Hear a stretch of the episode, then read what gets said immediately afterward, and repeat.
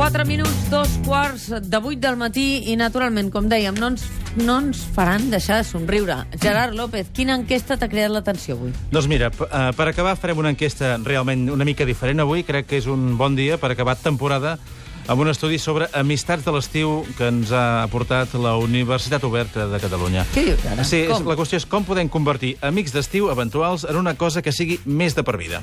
Mm? Com ho podem fer? D'entrada, l'estudi classifica els amics d'estiu en cinc grups que considera falses, am- falses amistats. Sí. Atenció, són 1. Amics forçosos o de conveniència, gent amb qui comparteixes autobús o que coneixes al càmping i comparteixes bé alguna servitud. Terrible. Amics de festa, però que només el trobes a la festa d'estiu habitual del poble o de l'hotel o del resort on vas habitualment.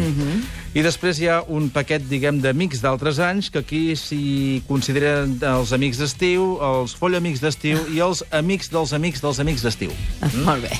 I com es converteixen les falses amistats en amistats reals? Doncs bé, segons l'estudi, si les amistats es cultiven de mica en mica, poden florir en una amistat de veritat. Calen cinc coses, però 1.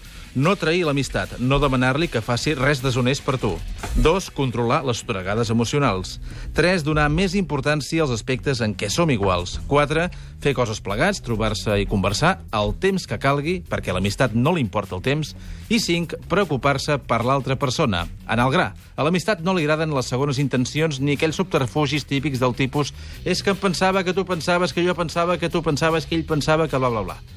Vaja, fins aquí, diguem, aquests consells i fins aquí també tota una temporada sencera de...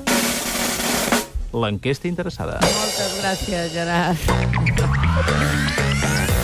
Que en farem moltes més. Escolta'm una cosa. Uh, Domènec Sobirà, Avui tinc motius. avui tens molts motius per indignar-te. Avui tinc motius per estar indignat, aquesta vegada de veritat, i en causa que ningú pot discutir. Indignat, indignat per l'atemptat de Nissa, òbviament, indignat per la barbària que torna a fer tan mal a França, a Europa, i avui, com deia en Gerard, també és l'últim dia de la temporada i miro en perspectiva el que hem anat dient en aquest espai, aquesta hora, cada matí, dies en què m'han indignat fets tan seriosos com aquest, que estem explicant avui, dies que m'he fixat en problemàtiques no tan urgents, però sí preocupants, i molts dies que, sincerament, he intentat recollir petites indignacions quotidianes, petits fets incomprensibles des del sentit comú, que acaben amb allò que em podríem...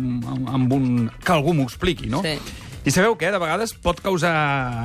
pot cansar, pot cansar sentir sempre algú que es queixa, però és molt saludable. De fet, de tant en tant em trobo gent, Mònica, sí, sí, m'he anat trobant gent que em diu, mira, et dono un argument per un indignat. O, ei, saps què ens indigna a casa? O, ei, l'altre dia vaig llegir una cosa que, escolta, era per indignar-se.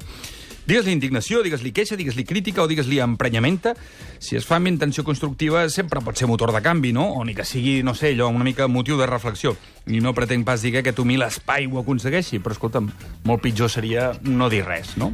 Jo crec que sí que ho has aconseguit. Bueno, una, una miqueta de tant en tant, no? Per tant, tots els indignats del món, uniu-vos a Domènec Sobirà, perquè realment... No pretenia tant, eh? Avui tenim motius per indignar-nos. A vegades són coses petites, Però a vegades avui són sí, coses avui grans. sí que indignats uniu-vos, avui sí. Avui sí, Avui perquè eh, no n'hi ha prou amb indignar-se. S'ha de fer alguna cosa. Tots. Exacte. La indignació de vegades és bona quan serveix de detonant perquè aquest tots que dius tu facin alguna cosa. I tot el que podem fer és una cosa, és saber, conèixer l'altre, respectar-lo. Aquest és el millor antídot.